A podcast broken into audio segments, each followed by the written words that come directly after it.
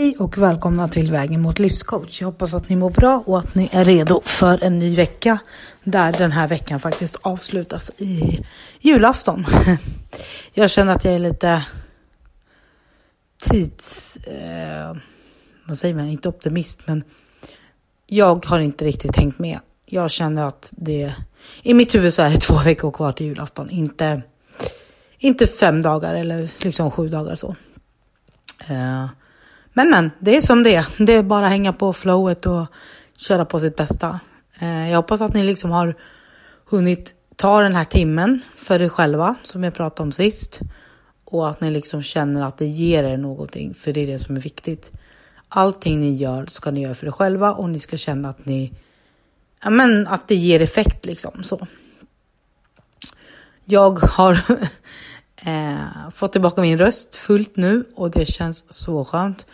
Att vara behindrad med att inte ha någon röst är ju aldrig kul och speciellt inte när man vill försöka motivera och eh, peppa andra i det här mörkret. Så vad vill jag komma till idag då? Det, var, det är faktiskt lite oklart. Eh, det jag kan säga är att resultaten av min egen personliga utveckling eh, har fått mig att liksom bli väldigt peppad på att eh, dels se andras personliga utveckling, men också att fortsätta med min egen. Och då menar jag liksom att jag har kommit i, situationer där, ja men, säg till exempel att du träffar en gammal vän och så eh, blir du glad att du träffar personen och så blir det här eh, klassiska att man är så, men vi hörs sen liksom så. Eh, och så så känner du att man nej, jag vill inte att det blir som förr. Jag har ingenting att hämta här. Eh, så att du påpekar då till personen att du, eh, ja men att, ja men till exempel att din tid är dyrbar eller att du känner att du vill eh, ha seriösa handlingar liksom så. Och du står upp för dig själv på ett helt annat sätt än vad du någonsin gjort. Det är ju ett sätt att se affekterna av att du faktiskt jobbar på dig själv, du står för vad du är värd, du står för vem du är. Och jag hamnade i en sån här situation för ett tag sedan och det var jag kunde liksom vända det till ett sånt perspektiv direkt där jag var så här, okej, okay, det här var jättekul att träffa personen såklart. Det var inte, det är jag inte oärlig om, men jag ser det som att allting kan hända, allting är möjligt. För det var liksom en ren jävla slump om jag ska vara ärlig. Eh, och sen senare samma vecka så träffade jag, eller veckan som varit, så träffade jag eh, en gammal tjejkompis faktiskt. Och det var, där var det så mysigt. Det var som att tiden stått still. Jag har verkligen saknat personen. Och vi, ja men vi fann varandra direkt. Det är som att det liksom inte har gått något, något år emellan. Eh, vi sågs sist i december faktiskt förra året, men då var det i typ mellandagarna.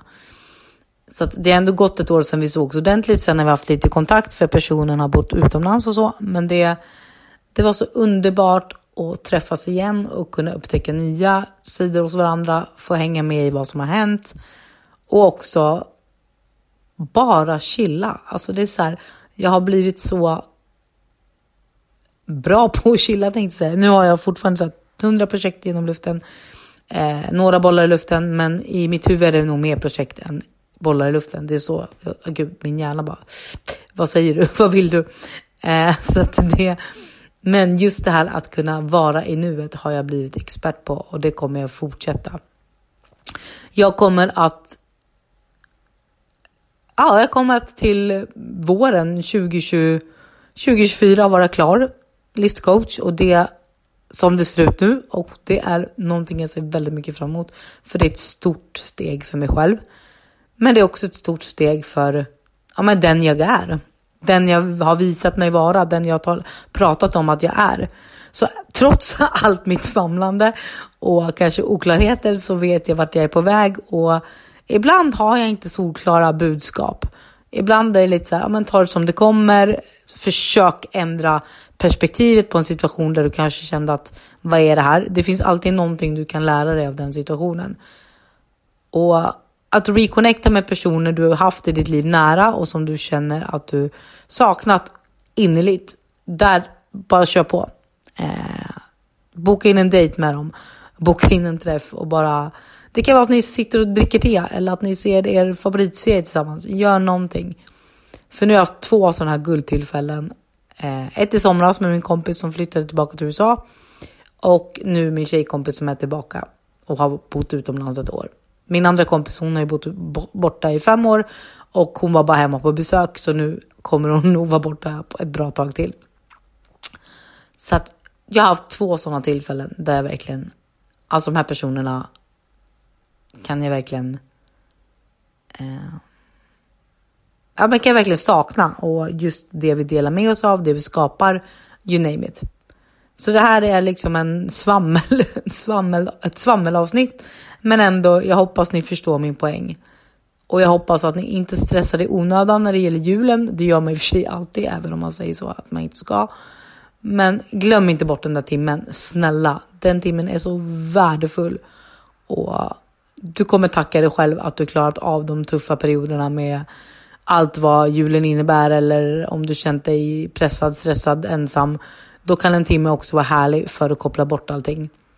Glöm inte att du är grym och att du är bra på det du gör. Du ska inte vara någon annan. Du är inte menad att vara någon annan. Så ta hand om er. Hej då!